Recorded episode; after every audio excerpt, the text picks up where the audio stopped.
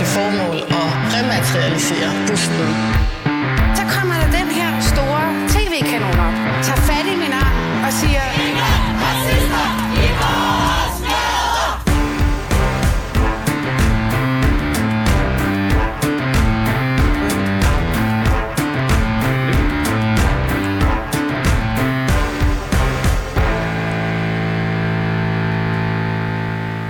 Ja, velkommen tilbage til Baby og Boomer, Danmarks eneste identitetspolitiske magasin. Jeg har min gæstevært med, Per Kuskner, som er chefredaktør på avisen.dk. Ja.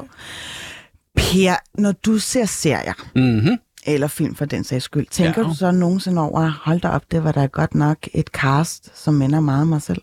Eller de ligner mig? Ja, altså jeg vil sige, jeg tænker tit over, når jeg ser film, jeg tænker, hold da kæft, det er de samme cirkusheste, der, der er taget ind i managen igen. Altså, fordi der er meget genbrug blandt Meget genbrug, ikke? Og det, er jo ikke? og det er jo selvfølgelig fordi the, the safe bet, ikke? Altså det, det er dygtige skuespillere og skuespillerinder, og så siger vi, jamen, og, og de er populære, og vi skal tjene nogle penge ind, så, så, så, så, så formlen er jo, øh, men er også lidt forudsigelig nogle gange, hvor, hvor man tænker, wow, kunne de ikke have... Og, og, og det er sådan forfriskende, når der så kommer et nyt ansigt, øh, et eller andet, hvor man siger, wow, mm. kæft, hvor, hvor har hun eller han god. Mm. Mm. Øh, og, og hvorfor bruger man ikke dem noget mere? Hvad man jo så også kommer til, hvis de får succes. Mm. Mm-hmm. Men du tænker, Jeg tænker også, altså hvis man nu frekventerer du, øh, øh, hvad det hedder, programmet, det vi taler om, så Ja. om og, og der har jeg også lagt mærke til, at der er altså heller ikke så stor diversitet i mængden af gæster. Eller er det bare mig, der ser spøgelser? nej, nå, altså, er, er de faste værter? Ja, men også bare gæster, der bliver ligesom inviteret med ind for at fortælle om en given sag.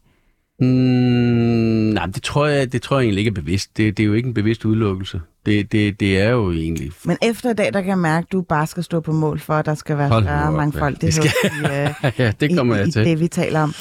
Og grunden til, at jeg nævner det, det er jo fordi, at i sidste uge, der søsatte en gruppe skuespillere en kampagne for mere diversitet i tv- og filmbranchen, og det har vagt stor opmærksomhed.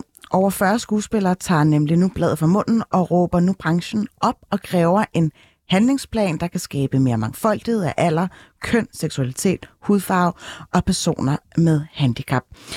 Et større billede hedder kampagnen, der øh, med et åbent brev adresseret til lige netop den danske film- og tv-branche ønsker et opgør med den ensidige forestilling om, hvad og hvem der kan repræsentere det normale i Danmark på dansk tv og film. Sandra J. Sensendiver og Diem Camille og øh, Thea Glindorf, I er alle tre øh, skuespillere inder, og velkommen til øh, Baby og Boomer. Tak. I er medunderskriver på brevet lige så, og Sandra, du er initiativtager på det. Øh, hvis jeg skulle til eksamen i kampagnen et større billede, og jeg rigtig gerne vil få 12, hvordan skulle jeg så forklare essensen af det? Altså, man kan sige, med hensyn til din åbning, så kan man jo ligesom høre, at du fulgte fuldt godt med i debatten. Og det handler om opråb, og vi kræver, og nu skal der ske øh, forandring og handling. Øh, men vores åbne brev er faktisk meget humoristisk, meget kærligt. Det er en invitation, og vi skyder ikke med skarps øh, på hverken de kunstnere, som vi har til at lave en remake af deres billeder, øh, eller på branchen. Vi tager faktisk fat i det, som du sagde før, Per, det er faktisk ikke et bevidst valg. Mm. Øh, at, det, at det er noget, der sker ubevidst. At vi ligesom siger, der er nogle ting, vi skal kigge på, vi skal lige løfte blikket og være mere bevidste om vores valg, og at vi faktisk ved vores ubevidste valg mm. udelukker utrolig mange mennesker øh, inden for faget, men også udelukker utrolig mange mennesker inden for samfundet. Mm. Jeg tror personligt, det der ligesom fangede mit blik, det var jo selve, som du selv nævner, Sandra, de her remakes af plakaterne. Man kan se, at I har skiftet det homogene cast ud med et mere pluralistisk, et af slagsen. Det drejer sig om Lars von Triers tv-serie Ride øh, Exodus og øh, Paprika Stens Fædre Møder, der havde premiere sidste år. Og vist også øh, Thomas Winterbergs kommende tv-serie Familie som vores. De originale filmplakater fra de tre titler tæller i alt 42 roller, hvor ikke en af dem er faktisk besat af en skuespiller, men med anden etnisk baggrund. Lad mig lige spørge jer, øh, i nævner for eksempel den her handlingsplan, der kan få bugt med netop det her meget ensartede billede. Ikke? Hvis I selv fik lov til at bestemme, hvad skulle der så stå i den? Jamen altså, det vigtigste er jo, at alle dele af branchen går sammen om en dialog og får bevidstgjort, øh, at vi har et problem, og at der må jeg sige, at den her sidste uge har virkelig vist, at, at øh, alle de store institutioner, eller næsten alle de store institutioner, vi mangler stadig nogle, både sådan DR og nogle større kanaler, der ligesom melder sig på banen, øh, ligesom lægger sig fladt ned øh, og siger, ja, vi har faktisk et problem, vi er bare ikke helt klar over, hvordan vi skal løse det. Og de synes, at det er helt vidunderligt, at vi stiller op og siger, at vi har en masse gode idéer, og tager imod dem med kysshånd. Selvfølgelig skal vi jo så se, at at de her samtaler, som vi selv har inviteret til og bliver inviteret til, at de skal føre til en handlingsplan og en strategi og en vision om, hvordan vi gerne vil have vores øh, film- og tv-branche skal se ud, så den kan komme til at afspejle samfundet. Mm. Det er jo, det, er jo den lang, det langsigtede mål, som vi skal holde fast i. Mm. Men lige nu, så går det rigtig, rigtig godt. Dialogen er startet, samtaler er startet, og der er faktisk ikke nogen, der siger, at vi ikke har et problem. Alle anerkender, at det er et demokratisk og kunstnerisk problem. Mm. Hvordan har modtagelsen egentlig været sådan her i den forgangne uge, hvis I lige skulle lave et uh, sum up? meget, altså overvejende positiv Ja. og meget, og meget blandet, Mm. vil jeg sige. Når du siger blandet, så tænker du hvad? Så tænker jeg, at jeg synes, der har været meget fokus på forskellen mellem hvide skuespillere og ikke hvide skuespillere, i stedet for at se på det store billede, som også er aldersdiversitet, især for kvinderne, øh, kropsdiversitet, handicap, store kroppe, små kroppe. Øh, altså, det er meget blandet. Køn, Køn også. familieformer, Ja. hvem, man, hvem man ser sig selv spejlet i i forhold til, hvem er ens kærlighed, om det er samme køn, eller om det er meget øh, heteronormativt. Der har det ligesom centreret sig meget om det der med, om det er de hvide skuespillere, jeg havde nær sagt, versus de ikke hvide. Mm-hmm.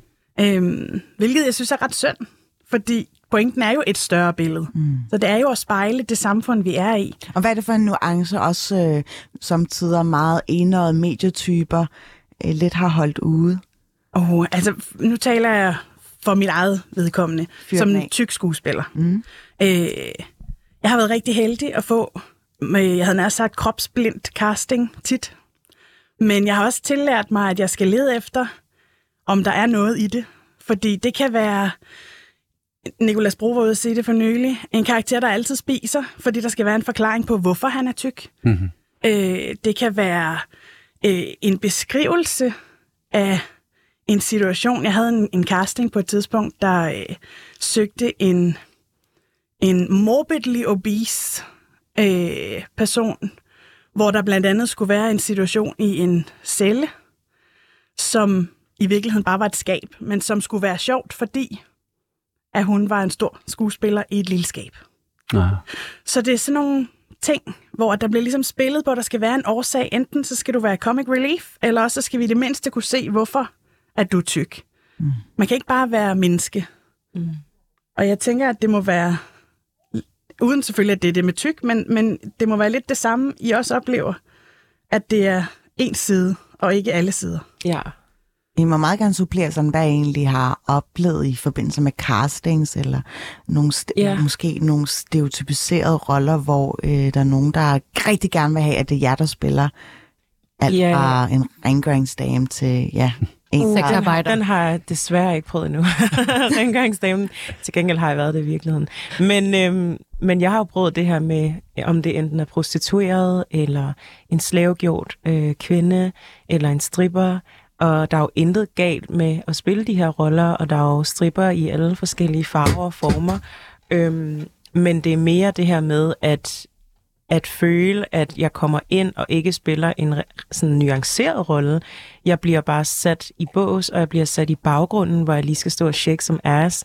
Og der har det bare sådan, nej, men altså, I know how to shake my ass, men, men det er det her med, at den mørke kvinde er i forvejen hyperseksualiseret, og hun er i forvejen øhm, på en eller anden måde degraderet til den her super øhm, altså feticheret menneske. Øhm, og jeg har ikke lyst til ligesom at reproducere det billede af den mørke kvinde. Jeg vil sagtens skulle spille en stor birolle eller en hovedrolle, hvor der faktisk er en udvikling i den her strippers liv, øhm, eller i den her slavegjorte persons liv.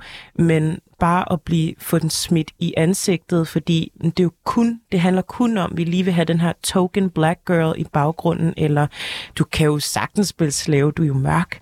Øhm, Jeg vil bare lige sige, at jeg øh, genså druk, hvor jeg faktisk opdaget, at du er med, Ja. Miriam. Jeg sidder og spiser en gulerod på lærværelset.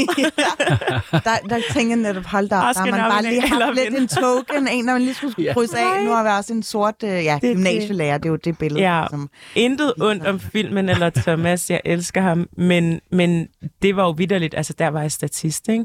Men imagine, hvis jeg havde haft sådan tre replikker, så havde man følt, det var meget sådan et tokenism på en eller anden måde. Og det er bare tit det, der sker, og det er også derfor, jeg arbejder mest i udlandet. mm. Ved du, hvad det vil sige at være et token?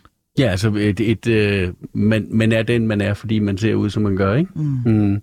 Men altså, det, det er jo...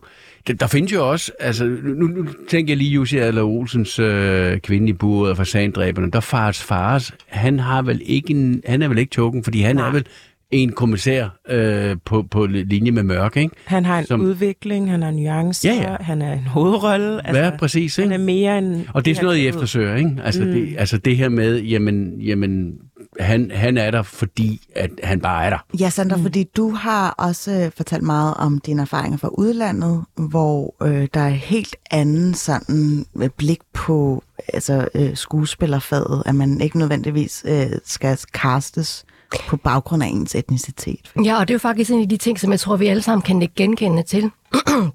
det der med, at vores udseende, vores krop, vores køn, vores hudfarve, at det ikke er det, der definerer karakteren, men karakteren er et menneske, som så har en tyk krop, eller som er sort i huden, eller som er homoseksuel. Altså det er ligesom en del af det at være menneske, det er ikke hele karakteren. Og det er jo meget det, øh, vi oplever, for vi arbejder alle sammen i udlandet, at man ikke bliver castet på ens udseende alene, at karakteren ligesom har et helt liv og en agenda og øh, øh, karaktertræk, der ligesom er, er noget andet end bare asiatisk kvinde, sort kvinde, tyk mm. krop, Mm. for eksempel. Mm. Præcis. Mm. Jeg tror heller ikke, altså, jeg vil, jeg, jeg vil ikke stusse over det. Altså, jeg vil ikke stusse over, at, at, at du var en eller anden hardcore kriminalkommissær, øh, eller du var en, en overlæge, og, og, og du var en, en, en skolelærer. Altså, det, det, det, altså, jeg vil bare sige, når man sidder og ser det som en gammel mand som mig, som har set stort set alle danske film, jeg vil ikke stusse over det et sekund.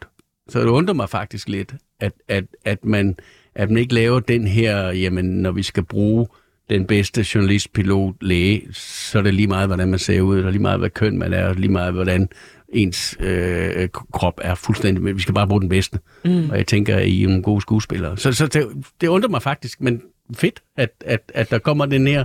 Ja. Men handler det ikke også bare om, at den danske øh, hvad der hedder, filmbranche er så indspist? Ja. Alle kender lidt hinanden? Mm. Og Jo, altså det er en klub, ikke? Hvor, Ja, ja, hvor, øh, hvor det også handler om øh, sådan øh, status og valuta.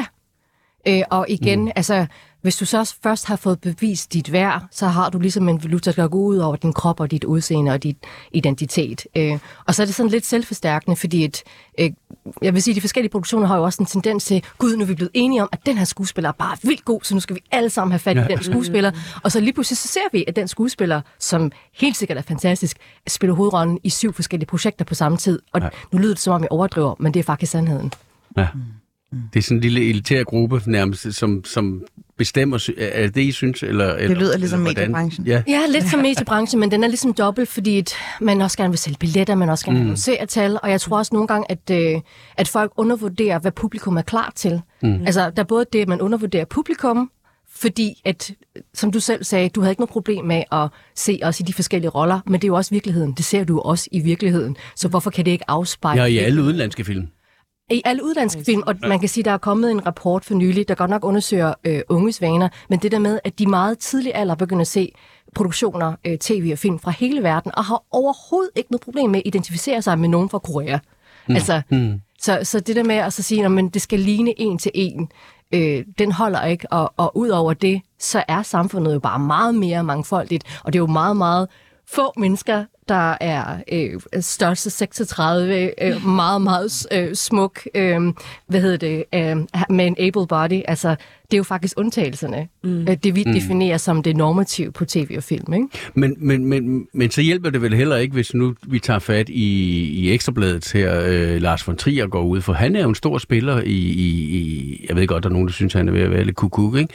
Det må jeg godt sige, Fordi det, det, det, det er der jo mange, der synes... godt uh, lidt beklikke, hvorvidt han skal høres, fordi at, uh, det er jo været Ja. fremme, at han faktisk har en, en sygdom. Ja, han har en Altså, jeg, diagnose, jeg vil faktisk sige, at jeg synes, det var det er en journalist, der har ringet og provokeret ham. Mm. Jeg tror ikke engang, han havde læst det der åbne brev, så Nå, altså, vi okay. tog det meget sådan, ja, ja, der er sikkert nogen, der har, har provokeret ham over telefonen for at få Ja. en eller anden øh, vanvittig svar. Mm. Så altså, vi har så ikke taget det ilde op overhovedet. Nå.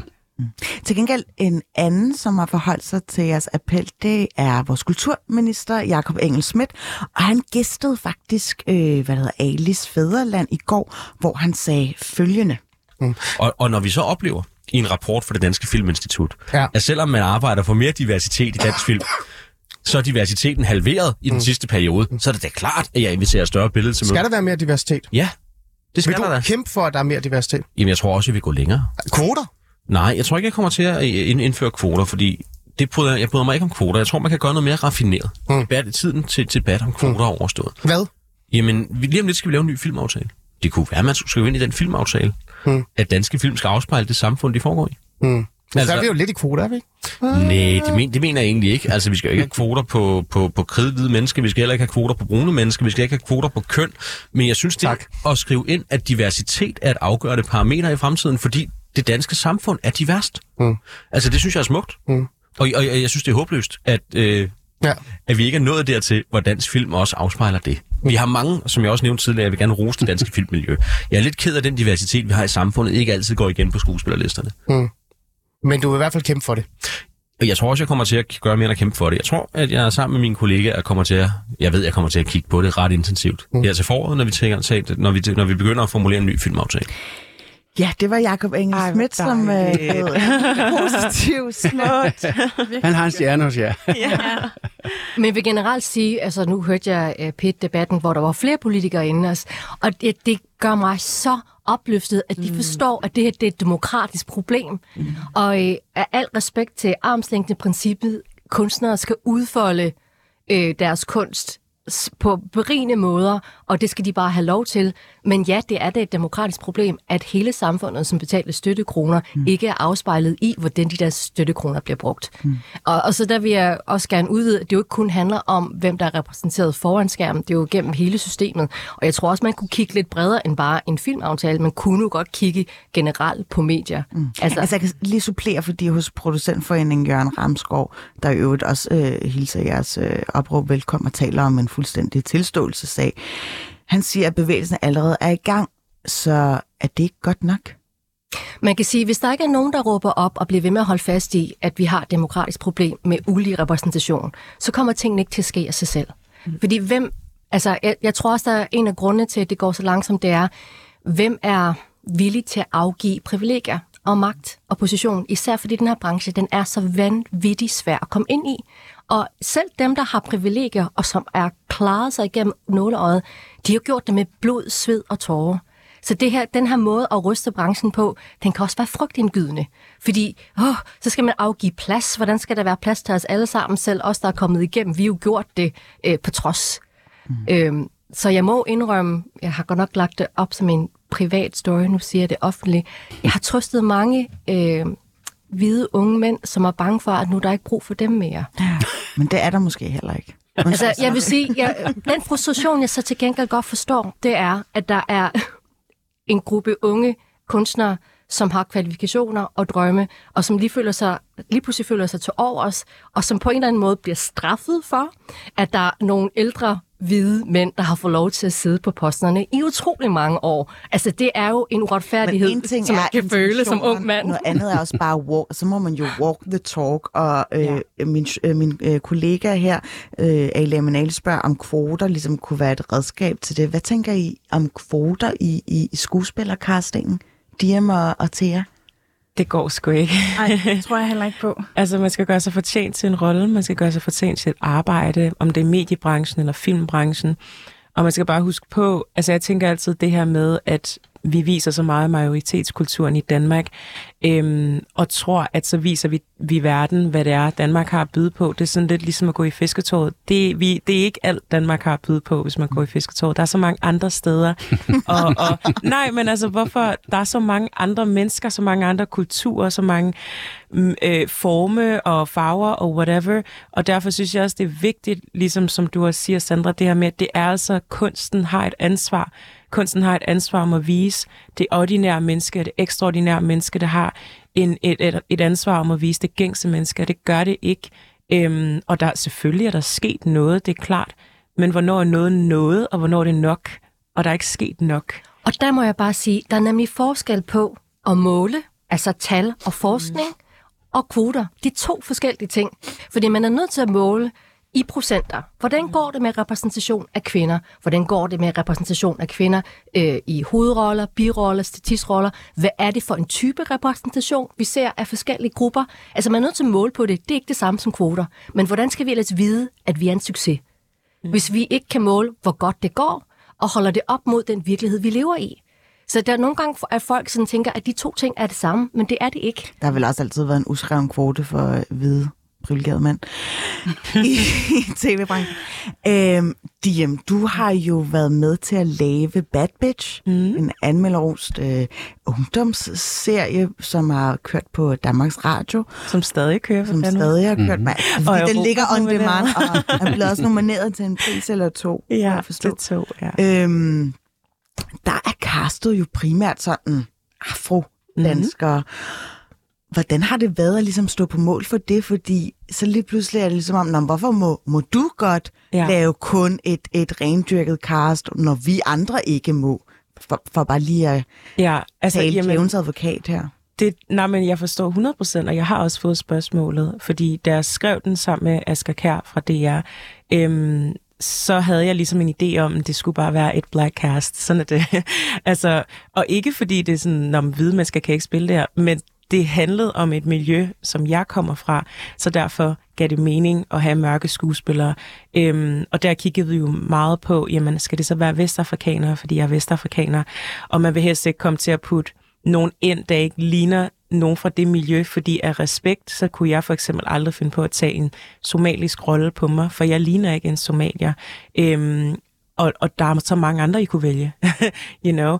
Øh, så der har man også et ansvar som manuskriptforfatter, synes jeg. Men jeg synes, man skal kigge bredt, så vi åbnede ligesom op for, okay, det kan også være en niganer, det kan også være en fra Kongo, det kan også være en whatever. Men det vigtigste er, det er en, der forstår kulturen, det er en, der ligner en fra kulturen.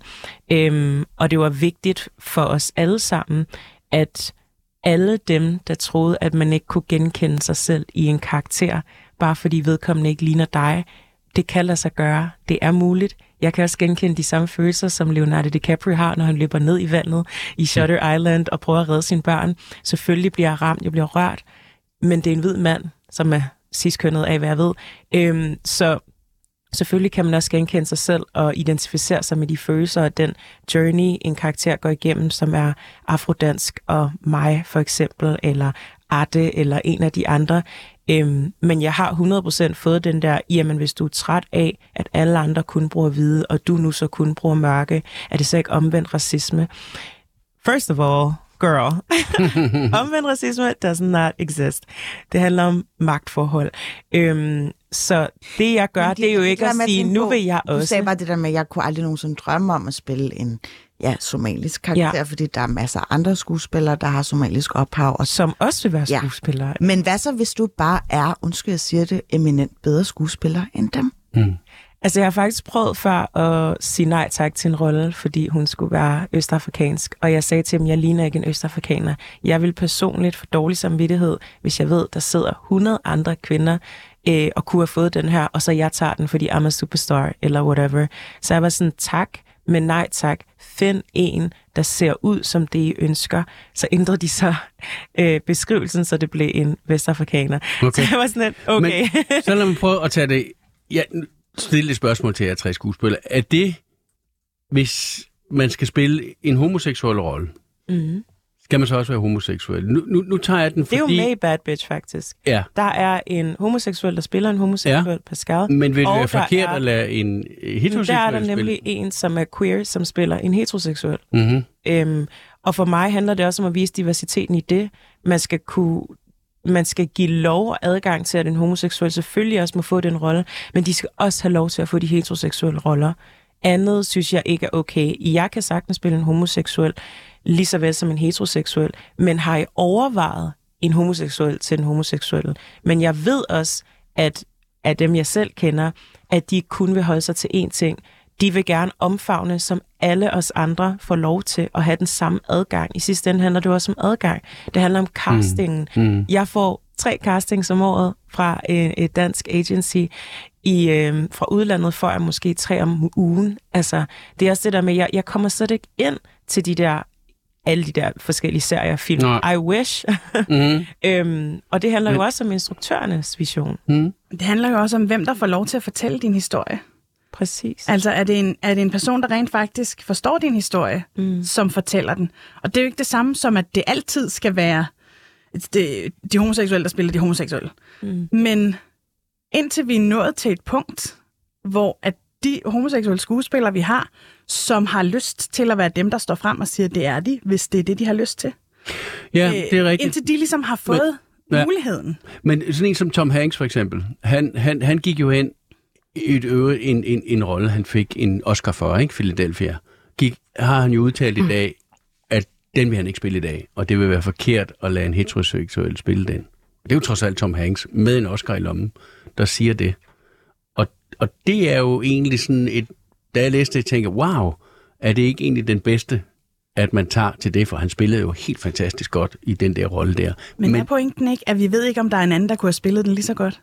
Jo, men han, han, han, gav ligesom, øh, han gav ligesom argumentet for, at den, den, vi har haft en stærkere gennemslagskraft. Den handler jo om en, en, en, en AIDS. er en af mine yndlingsfilm. Ja, fantastisk film, ikke? Øh, den vil have haft en større gennemslagskraft, hvis det havde været en homoseksuel øh, skuespiller. Det, det, det, øh, Jeg synes, det kommer meget an på. Øhm, det, der er ikke nogen meget rigide regler for, hvordan man kan gøre det. Man er nødt til at have en ret intelligent samtale om det, og man er også nødt til at vide, hvad er det for en kultur, vi lever i nu. Jeg tror, hvis man går tilbage og kigger der, så tror jeg, det var meget stigmatiserende for både kvinder og mænd at være homoseksuelle. Altså, hvor man godt vidste, det skulle man holde, holde mund med, fordi at man så faldt i status, hvis folk vidste, at man ikke var straight. Ja. Så på den måde, så kan jeg godt, altså, kan jeg godt forstå hans resonemang. Man kan sige, nu er det mere acceptabelt, at, øh, at man kan være alt muligt. Så spørgsmålet er jo, bliver du diskrimineret på grund af det? Og er der nogle andre skuespillere, som ikke får lov, fordi de er det? Mm. Altså, det, det, kan, det spørgsmål kan man ligesom stille sig selv. Øh, og så er det jo bare en flydende samtale. Altså, jeg ved, at... Øh, at øh, øh, hvad hedder det, creatoren bag øh, Transparent, hun castede jo en cis-hvid mand i den rolle, og hun ja. sagde, hvis jeg havde lavet den i dag, det havde jeg helt klart ikke gjort. nej. Men det var det, samfundet var klar til på det tidspunkt. Mm. Øh, og så har jeg så fået kritik for det bagefter, og jeg må bare sige, det har jeg fuldstændig ret i. Hvis jeg skulle lave den nu, så havde jeg lavet det anderledes. Mm. Thea, er samfundet klar til at lave nogle hovedkarakterer, hvor skuespilleren spiller en tyk kvinde, uden at det ligesom er det bærende element i fortællingen? Altså om samfundet er klar til det, det tror jeg bestemt. Fordi hvis du går ud og kigger uden for døren, så er der virkelig mange tykke kvinder, som også har liv, og har kærester, og har jobs, og har øh, hverdag.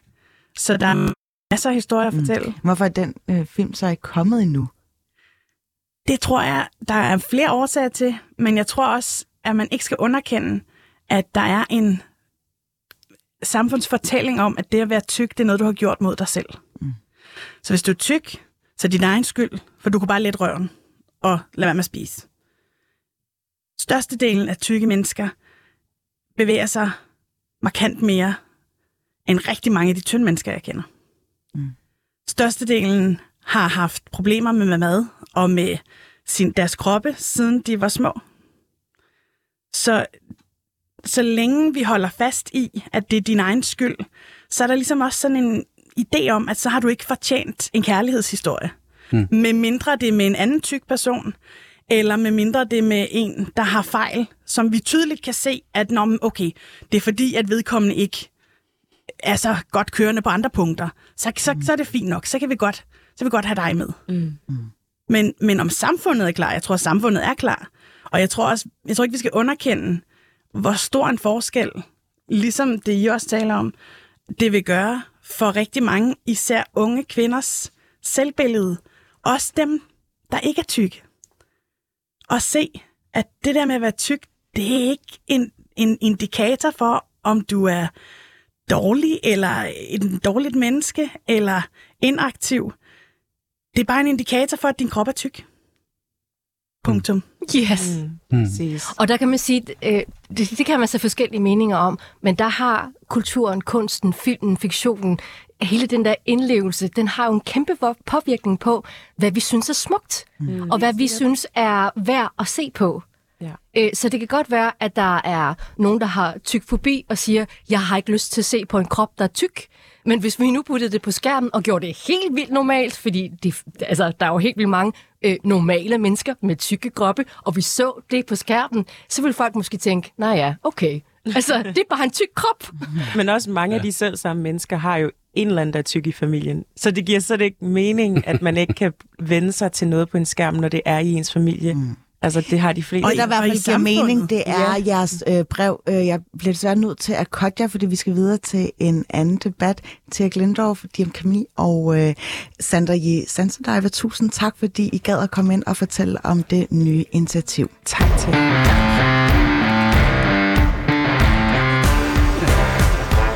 I den her uge har jeg besøg af dig, Per Kuskner. Ja, det har du. Øh, og jeg skal til at spørge dig om noget. Nå, for øh, sådan noget med, øh, med kilder, ikke? Mm-hmm. Du Mhm. arbejder øh, som chefredaktør. Hvor meget overvejer du sådan kønnet på dine kilder? Øh, overhovedet ikke. Det gør jeg ikke. Altså, øh, jeg, har ikke, øh, jeg har ikke en præference på, hvad, hvem, der er, hvem der er kvinder og hvem der er mænd øh, i de kilder. Men altså, nu har jeg jo også sådan en, hvad skal man sige, Avisen.dk har en makronbund af nyheder fra Ritzau. Og, og, og Ritzaus øh, nyhedsrulle er jo øh, f- som den er. Øh, Nu havde vi bare lige kilder. en, en, en interessant snak omkring mm. øh, hele, øh, altså hvad der er tilladt at ligesom skrive, og der var du sådan her, gud, hvor var det dog heldigt, at min kloge kone mm. sløjfede den der passage, mm. Mhm. Ja. og sagde, at den ikke var inden for skive. Hun Ja, kunne jo være en meget tiltrængt øh, ekspert inden for øh, cheflaget inde på avisen.dk.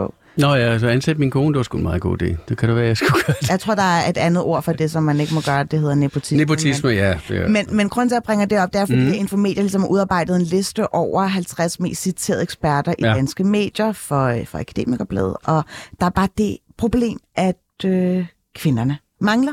Kun Ja. ja. 3 ud af 50 citerede eksperter er kvinder. Og vi skal faktisk, faktisk helt ned på nummer 23 på listen, før vi finder en kvinde. Ved du, hvem det er? Nej, jeg kunne for- forestille mig, at det var noget med noget corona. Ja. I- i- ja. Corona-Lone, som vi alle Corona-Lone, navndøbte ja. hende. Hendes borgerlige navn er jo Lone Simonsen, Ja. professor i Ja. epidemiologi. Hmm. Øh, jeg har lyst til at snakke om, hvorvidt medierne generelt bare er for dårlige til at udvide deres horisonter, hvad angår eksperter, eller er der bare simpelthen ikke nok gode kvindelige eksperter? Det skal jeg ligesom spørge vores øh, gæster om her i Baby og Boomer. Velkommen til dig, Tine Johansen, formand for Dansk Journalistforbund, og velkommen til dig, Peter Astrup, journalist på BT.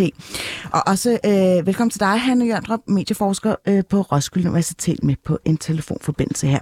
Øh, jeg vil gerne lige starte med dig, Peter, fordi du har jo været journalist i 20 år. Hvad har du oplevet? Efterhånden, tror jeg faktisk. Okay. Øh, hvad har du sådan oplevet med, med ekspertevældet, hvis man kan sige på den måde? Altså, man kan sige, den grundlæggende erfaring, som jeg har gjort mig netop over cirka 20 år, og jeg har jo lavet, jeg ved ikke, hvor mange tusind telefoninterviews og kommentarer, jeg har prøvet at indhente fra alle mulige mennesker, så er min generelle oplevelse, jeg vil også gerne understrege, inden jeg får ballade med alle mulige mennesker, det er jo totalt uvidenskabeligt. Det er jo kun min oplevelse. Ja. Jeg ved, nogle af mine kollegaer har samme oplevelse, og nogle har den anden oplevelse. Men min oplevelse er, hvis man ringer til en ikke-medievandt ekspert på et eller andet område, så er der en lille smule større sandsynlighed for, at eksperten gerne vil tale med medierne, hvis eksperten er en mand frem for en kvinde. Mm. Og hvis man så får en kvinde i tale, så kan det også være alle mulige betingelser, der bliver stillet op. Og det sker altså også med mænd, vil jeg sige. Så det sker alle steder, men det sker lidt med for kvinder. Så er der mange betingelser, som for eksempel, man vil gerne have artiklen til gennemsyn. Man vil gerne øh, have sine øh, citater til godkendelse, hvilket er helt rimeligt selvfølgelig. Øh, man skal lige spørge pressechefen. Man skal lige spørge sin egen chef. Man henviser til en, der måske ved lidt bedre. Man skal også lige tænke over, om man nu er ekspert nok på området. Alt sådan noget der. Det sker øh, en lille smule mere med kvinder end med mænd. Det er min generelle erfaring. Mm. Det, der så sker med mig selvfølgelig, det er, at jeg vil jo gerne lave en artikel øh, relativt hurtigt. Den skal være så god og velinformerende og sand og oprigtig og korrekt som muligt. Så hvis jeg har travlt og skal nå hjem til børnene klokken 4 og lave mad og gøre alt muligt, så vælger jeg jo den vej at gå, som jeg tror er den bedste og hurtigste. Mm. Så hvis jeg har to muligheder, de er lige gode, den ene er en mand, og den anden er en kvinde, så vælger jeg som ren mand. Mm. Det gør jeg Tror stadigvæk. det, tror du, det er årsagsforklarende for, at der kun figurerer tre kvinder på den her liste? Nej, jeg må indrømme, jeg kan simpelthen ikke få mig selv til at forklare rigtig ordentligt, hvorfor der kun er tre kvinder på den liste. Det synes jeg er virkelig mærkeligt. Jeg synes, jeg taler med rigtig mange kvinder. Øh, jeg har ikke talt på, hvor mange. Øh, jeg kan slet ikke forstå, hvorfor der kun er en kvinde helt nede på nummer 23. Mm. Øh, jeg ved, hvor søs Marie Serup for eksempel henne, hun er mm. også i medierne hele tiden, hun er slet ikke på listen. Mm. Der er alle mulige, jeg ikke rigtig ved, om er. Nu læser jeg heller ikke alt, der overhovedet kommer, men, men, øh, men, øh, men nej, det kan, det kan jeg simpelthen ikke forstå, hvorfor der kun er tre kvinder. Det overraskede mig virkelig meget. Det kan være, at du kan svare lidt på det, Tine Johansen, vores egne kvindelige øh, husekspert på Dansk Journalistforbund. Tine, du har jo også selv været journalist. Ved du, hvorfor der kun er tre kvinder på den her liste? Nej, men jeg synes, det er vildt interessant, det Peter siger. Du får ikke ballade med mig, Peter. Jeg synes, det er meget ærligt, det du siger. Fordi øhm, det, det er jo virkelighedens ekspert, Peter er her. Hvordan, hvad er det for en reaktion, man får, når man ringer til kilder? Også dem, der ikke er vant til at være i medierne. Mm. Øh, og jeg tror, der ligger rigtig mange forskellige svar nede under den her øh, meget kedelige statistik. Øh, noget af det kan sagtens ligge i det, Peter fortæller. Kvinder er måske en anelse mere tilbageholdende med at stille sig derude på planken. Øh, er jeg ekspert nok? Er jeg helt hjemme i det her stof? Tilkommer det mig at kalde mig ekspert her? Og så videre. Der kan sagtens ligge en kønsforskel. Er det noget, I har gjort opgørelser over selv internt i Dansk Journalistforbund? Altså nogle øh, kvantitative undersøgelser, som Øh, altså, skaber gruppen for, der er faktisk øh, noget om sagen? Der er faktisk lige lavet en undersøgelse. Det er ikke en, vi, øh, vi tager æren for, men øh, Journalisthøjskolen DMJX har undersøgt det her med, at øh, mænd i højere grad mener og slår fast, når de er i medierne. Kvinder, de føler og tænker, når de er i medierne. Så der er er, det en noget, eller vi anden skriver som slags... journalister? Ja, ved? ja, okay. det, det er den... Øh, Altså mænd konstaterer, og kvinder mm. føler. du slår fast, og Det jeg håber sidder jeg jeg føler. gør. Ja. Ja. ja. Det vil jeg. Jeg tænker, og jeg synes. øhm, og så øh, er der nogle andre ting, der kan spille ind. Øhm, vi har jo undersøgt det her med øh, digital chikane. Hvad er det for nogle reaktioner, man får, når man har stillet sig derud, når man har siddet i et tv- eller radiostudie, og folk begynder at forholde sig til en, for eksempel ude på sociale medier osv. Og der er også en kønsslagsside der. Mm, det tror Der jeg. er kvindelige Det kilder, der Mm. i langt højere grad oplever at blive angrebet øh, på grund af deres køn. Øh, vi kan alle sammen få, få negative kommentarer og så videre, når, når vi har stillet os frem, men, men at, øh, at der er en kønsslagside i forhold til, hvad det er for nogle reaktioner, man får. Ganske Mm. Ja, det oplever vi jo også i mediebranchen. Mine kvindelige kollegaer må simpelthen øh, lægge mailbox til, jeg ved ikke, Ja. hvor meget skidt og lort, mm. Mm. at sige det rent ud. Og det må jeg jo også selv. Men, men jeg er bare meget, meget svær at angribe.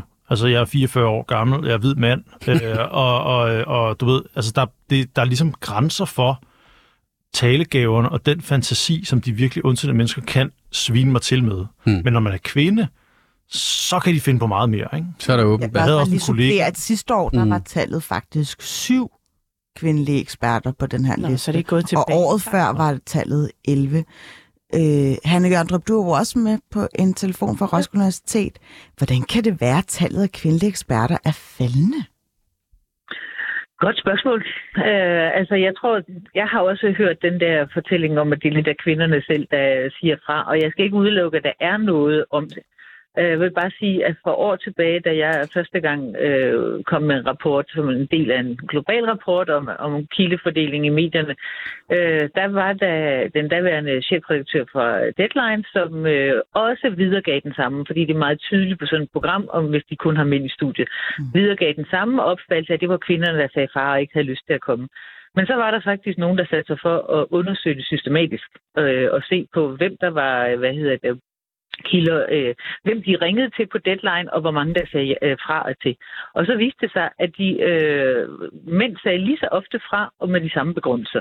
Så den eneste grund til, at de havde tre gange så mange øh, mandlige deltagere i deadline, var fordi de ringede til tre gange så mange mænd mm. som kvinder. Ikke? Men, Øh, så, så jeg tror lidt nogle gange er det sådan, og så bliver det sådan selvopfyldende profeti, hvis man har hørt det derude, og man så en eller to gange møder en kvinde, der, der bekræfter en i det, så bliver det sådan lidt, øh, som den tidligere sagde, altså, så, så kalkulerer man det ind på forhånd og gør det til sådan en øh, noget, man opererer efter. At man tænker, ah, det er nok mest sikkert at køre det hjem med en mand, fordi det, øh, det ved vi, hvad vi kan. Ikke? Mm. Øhm, Ligger I selv til last for en selvopfyldende profeti, Peter?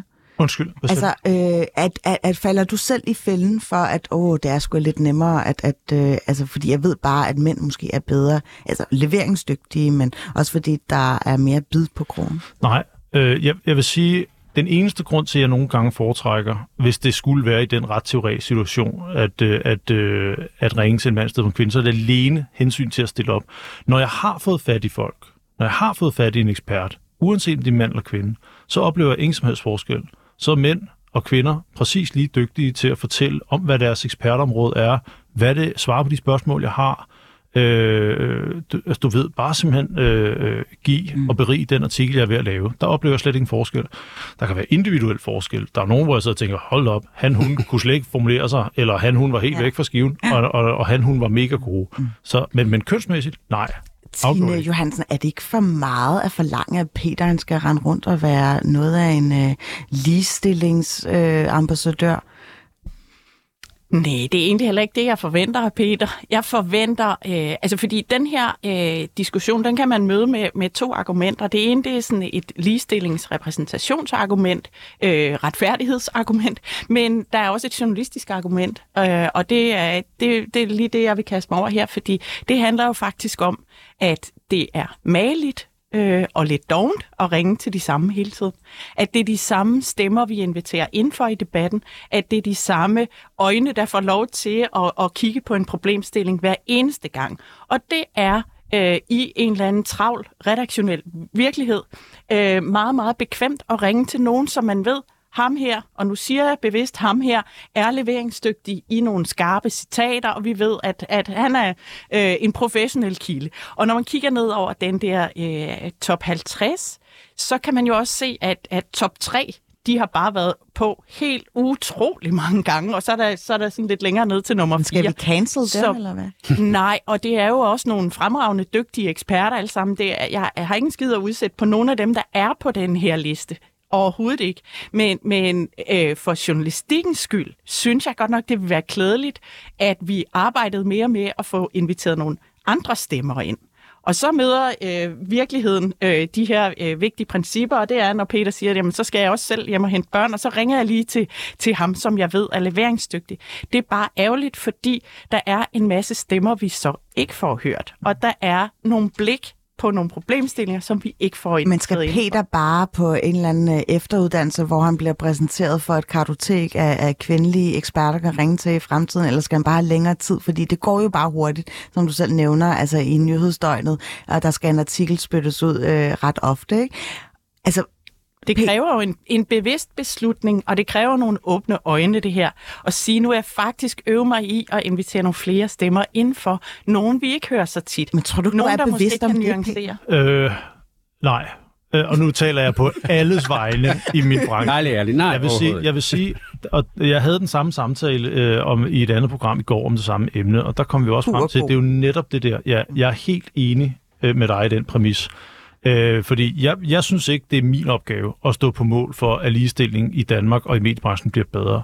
Jeg skal sørge for at invitere et bredt aspekt af eksperter ud, og der tror jeg, jeg og alle andre journalister i Danmark, der arbejder med medier, vi kan sige, det er vi altså ikke gode nok til. Der er nogen, der er rigtig gode derude, som sjældent bliver hørt. Og det er jo fordi, øh, at når der pludselig sker et eller andet, oh my god, Rusland har invaderet Ukraine, en eller anden må ringe til Peter Vigo. Og det er jo fordi, at redaktøren eller journalisten kender ham, fordi han har læst ham alle mulige andre steder, og han har sikkert også talt med ham før, så det, vi skal bare have en på hurtigt, i stedet for at tænke igennem, kan der være nogle andre? Og der tror jeg, at øh, der skal vi være bedre til, i, sådan nogle, i hvert fald i ikke-haste sager, at tænke, jeg kan skulle lige ind på, på Forsvarsakademiet eller på KU og se, hvem der er eksperter på området.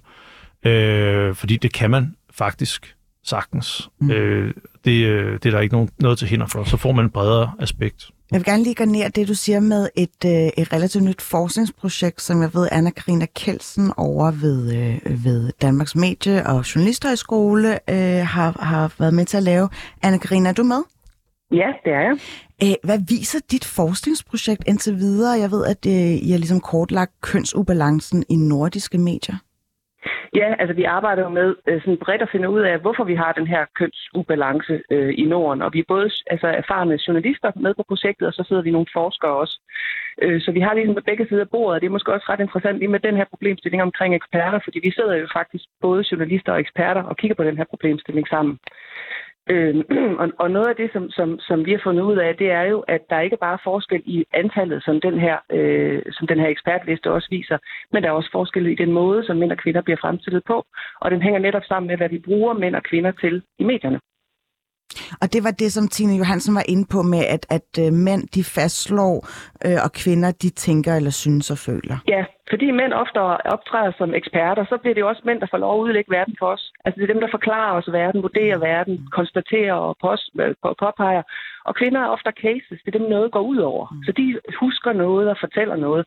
Og det bliver sådan en selvfor, selvforstærkende øh, øh, problemstilling, hvor vi både har flere mænd øh, i medierne, og det gælder jo ikke, det er ikke kun eksperter, det gælder jo alle øh, kildetyper. Øh, og så har vi også øh, mændene i hyppigere i de roller, der ligesom øh, er med til at øh, fortælle os noget om, hvordan er, verden er, eller hvordan vi skal agere i verden, hvor kvinderne bliver dem, der, der kigger på, eller noget går ud over. Så, så øh, hvis vi skal få bukt med det her øh, mønster, hvad vil du så foreslå, at vi gør? Jamen altså, jeg, jeg synes jo faktisk, øh, det vi talte om lige før med, at så bliver der krig, og så sker der et eller andet. Det er et meget godt eksempel på, hvad problemet her øh, også handler om. Jeg hørte den norske ligestillingsminister på et tidspunkt sige, øh, eller bruge begrebet vigepligt, ligestillingens vigepligt. Øh, og, og det er nok øh, blandt andet noget af det, det her handler om, at hver gang der ligesom er noget, der er vigtigt, krig, øh, øh, corona, et eller andet, så ryger, selvom vi alle sammen synes, det, det, det skal vi gøre noget ved det her, så ryger den i baggrunden, fordi nu skal det gå hurtigt. Og der er vi måske, øh, når vi taler om journalistik og medier, endnu mere øh, står vi over for en endnu større problemstilling, fordi der går det altid hurtigt. Så det der med at sige, at når der er fredstid, så skal vi så, så skal vi opbygge vores kildearkiv. Er der nogensinde fredstid på en, på en nyhedsredaktion? Hmm. Eller er vi simpelthen nødt til at sige, at det bliver vi nødt til at, øh, det bliver vi nødt til at have som en del af vores ledelsesmæssige prioritering hele tiden hver dag i alt, hvad vi gør, hvis vi virkelig gør noget. Og noget af det, vi også kan se, det er jo, at lige så snart de, de redaktioner, der arbejder bevidst med det her, så længe de arbejder, øh, taler om det, og det er en del af deres møder hele tiden, jamen så ligger tallene egentlig okay. Det øjeblik, de tænker, nu går det godt, øh, og holder op med at tale så meget om det, så falder tallene igen, og så kommer der flere ind i spalterne. Så det skal simpelthen være øh, en bevidsthed omkring det her kønsbias, der gør, at, at vi bevæger os hen imod den rigtige retning. Øh, Hanne Jørndrup, det her øh, mm. ligestillingsvigepligt, kunne det være noget, man, øh, man skal se bort fra øh, at undervise i, øh, eller give videre til det kommende generation af journalister ude på RUK? Altså, nu er det faktisk noget af det, jeg underviser i, øh, i forhold til vores studerende. Ikke? Og jeg synes faktisk, Altså hvis man skal se en lille blomsterhåb, så synes jeg faktisk, at, øh, at de unge generationer, de er meget mere fremme i skoen på det her punkt. Ikke? Altså jeg har haft masser af grupper af unge mænd, der skriver projekter, og øh, hvor de er vældig øh, harme over, at der ikke er nok øh, kvinder i sportsjournalistik osv. Ikke? Så, så øh, de fremtidige hvad, hvad hedder det, generationer er meget mere ligestillingsbevidste, end vi er. Ikke? Men jeg vil sige, det der med øh, ligestillingsvigepligten, altså øh, meget stor del af medierne i Danmark får jo en offentlig støtte for at køre deres øh, geschæft. Og, og det er jo fordi, at man fra øh, statens side synes, det er vigtigt for den demokratiske samtale, at der er nogen, øh, der holder den, den offentlige diskussion i gang. Og, og der kan det altså ikke være ok, at den ene halvdel af befolkningen sådan konsekvent lukkes ude, eller bliver degraderet til øh, øh, dagens uheldige trafikoffre, eller, eller hvad det er. Ikke? Øh, det, der skal man simpelthen spejle noget mere. Jeg tænker også på fremtiden. I går havde vi åben hus på universitetet, hvor en masse unge kom for at tænke på, om de skulle, hvad de skulle læse. Hvis nogen af dem skal have lyst til at sige, at jeg er, jeg er sgu faktisk mere ualmindeligt dygtig, kunne godt tænke mig en forskerkarriere at blive ekspert, jamen hvad har de at spejle sig i? En verden fuld af hvide mænd. Ikke? Altså, så der er, der, medierne har nogle forpligtelser. Og det følger med pengene. Ikke? Mm. Hvis, man, hvis man vil sige, at vi gider overhovedet ikke tage hensyn til ligestilling, eller til, at det blik på Danmark og den offentlige samtale, vi, vi, vi viser, at den ikke kun er de hvide mennesklub, men faktisk øh, spejler befolkningen. Jamen, hvis ikke man har lyst til at tage, øh, at, at tage det ansvar på sig, så skal man sige nej tak til mediestøtten, og så kan man lave sin hvide mennesklubblad øh, for egne penge. Ikke?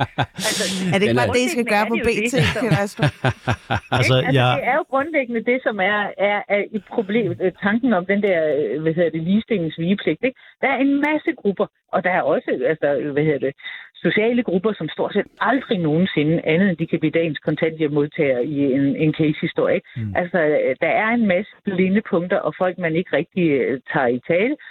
Fordi det er besværligt, og det er meget nemmere at ringe til dem, man har på speed dial i forvejen. Ikke? Men altså, for at citere Kennedy, vi skal ikke gøre det, fordi det er nemt, men fordi det er hårdt. Ikke? Og det er det, at, at, at varetage den offentlige samtale. Det er ikke, altså hvis det var nemt, så, så kunne alle gøre det, ikke? det, det. Det kræver faktisk øh, en indsats, og det kræver, at man er dedikeret på, på det projekt, som man får penge til at understøtte, nemlig den demokratiske samtale. Med Og Kennedys altså ord i ryggen, her, øh, Peter, øh, er det ikke bare en modus operandi, du bare lige skal altså, tilføjes en, en salvandsindsprøjtning, som, jeg som tror- Hanne lige øh, mener? Og jeg tror, det er der, der helt afgjort en eller anden form for, altså at reflektere mere over, er der nogle eksperter, som aldrig er i, og nogen, der altid er i. Den er helt med på. Men der er en grænse, jeg ikke kommer til at gå ind over. Øh, og jeg synes, den grænse er utydelig for nogen, og det er et problem. Det er, jeg kommer aldrig til at vælge en kvinde frem for en mand, hvis jeg har en vurdering om, at mandens faglighed er en smule større. Det hensyn vil altid komme i anden række, uden undtagelse og uden hensynstagen. Hvis jeg skulle gøre det, så skulle det være, fordi at vi allerede har hørt den pågældende mands øh, kommentar mange gange, øh, og så vil det være rart at høre nogle andre. Det vil jeg sige, det skaber et journalistisk produkt, der måske er bedre. Men hvis vi har Men to tænker- personer, ved, må jeg lige ting, altså, hvis vi har to personer, der aldrig er i medierne, som skal snakke om, hvad ved jeg, pandager, et eller andet, som jeg ikke lige skriver hver, hver dag. og så er der to eksperter, som ved lige, øh, næsten lige meget om det, hvor jeg vurderer, at kvinden er en lille smule mindre øh, kompetent, så skal det være manden, jeg taler med. Jeg vil, jeg vil aldrig vælge anderledes, uanset om er ligestilling er noget. Jeg skal bare lige holde styr øh, i rækken af kvindelige eksperter, der gerne vil til bolle her. Tina Johansen, hvad siger du? Jeg siger, at øh, det er jo altså de her tre kvinder, som er på listen over 50, øh, de mest øh, citerede øh, eksperter, det dækker jo over, at der er alle mulige, som vi aldrig har hørt. Og at der er et, øh, altså en, en, en tavs gruppe af virkelig dygtige mennesker. Så jeg, jeg synes, det er øh, rent hypotetisk, den her forestilling om, at øh, øh, der er en situation, hvor en mand måske er lidt mere kompetent. Vi ved det jo rent faktisk ikke, fordi der er uhyggeligt mange, der aldrig er blevet spurgt. Jamen, Det, kan da det godt dækker de tal jo over. Jamen, nu taler du om den brede virkelighed jo. Mm. Her taler jeg om et helt konkret eksempel på et fagområde, som måske er ret smalt, hvor der findes to til tre eksperter i Danmark. Altså hvis vi taler Tyrkiet i jordskælvet, så kunne det jo være øh, den her frygtelig tragiske situation, at man gerne vil have fat i nogen, der ved noget om lokal arkitektur i tyrkisk provinser. Mm. Et, noget jeg antager, der ikke er så mange eksperter om. Jeg ved intet om det, det kan være der er 10.000. Men lad os antage, at der er to. Og den ene er kvinde, og den anden er mand. Og manden ved mere end kvinden. Så ringer man jo selvfølgelig til manden. Det er journalistisk uansvarligt. Mm. Hold det være. Er det ikke fair nok, Anna-Karina Kjeldsen? Nej, jeg tænker også, hvad, hvad, hvad egentlig det er, hvordan du egentlig øh, vurderer den kompetence, altså hvordan du vurderer, at det er manden, der er mere kompetent og ved mere der i den situation. Altså, nu er det jo en meget, meget hypotetisk situation. Ja, ja, men, ja. men generelt vil det jo være, for eksempel, hvis øh, vedkommende har øh, en øh, ancienitet på 20 år Ja. på området, og kvinden har to. Hvis manden er professor, og kvinden er lektor. Ja, det kan vi også se på listen, eller at der er utrolig mange professorer på den liste. Jamen Det er prøv, der er alt muligt galt med den liste. har- Det anerkender jeg jo fuldstændig. Ja, ja. Jeg, jeg kan slet ikke Men forstå, jeg- hvorfor det er sådan der. Jeg siger bare et helt konkret tilfælde. Mm. Så skal man ikke vurdere Men- kvinden. Jeg kan høre, at du måske skal Fordi tage hun et har efteruddannelseskursus der på det, et med andet. Ekspert Astrup. Der er i hvert fald bud efter dig.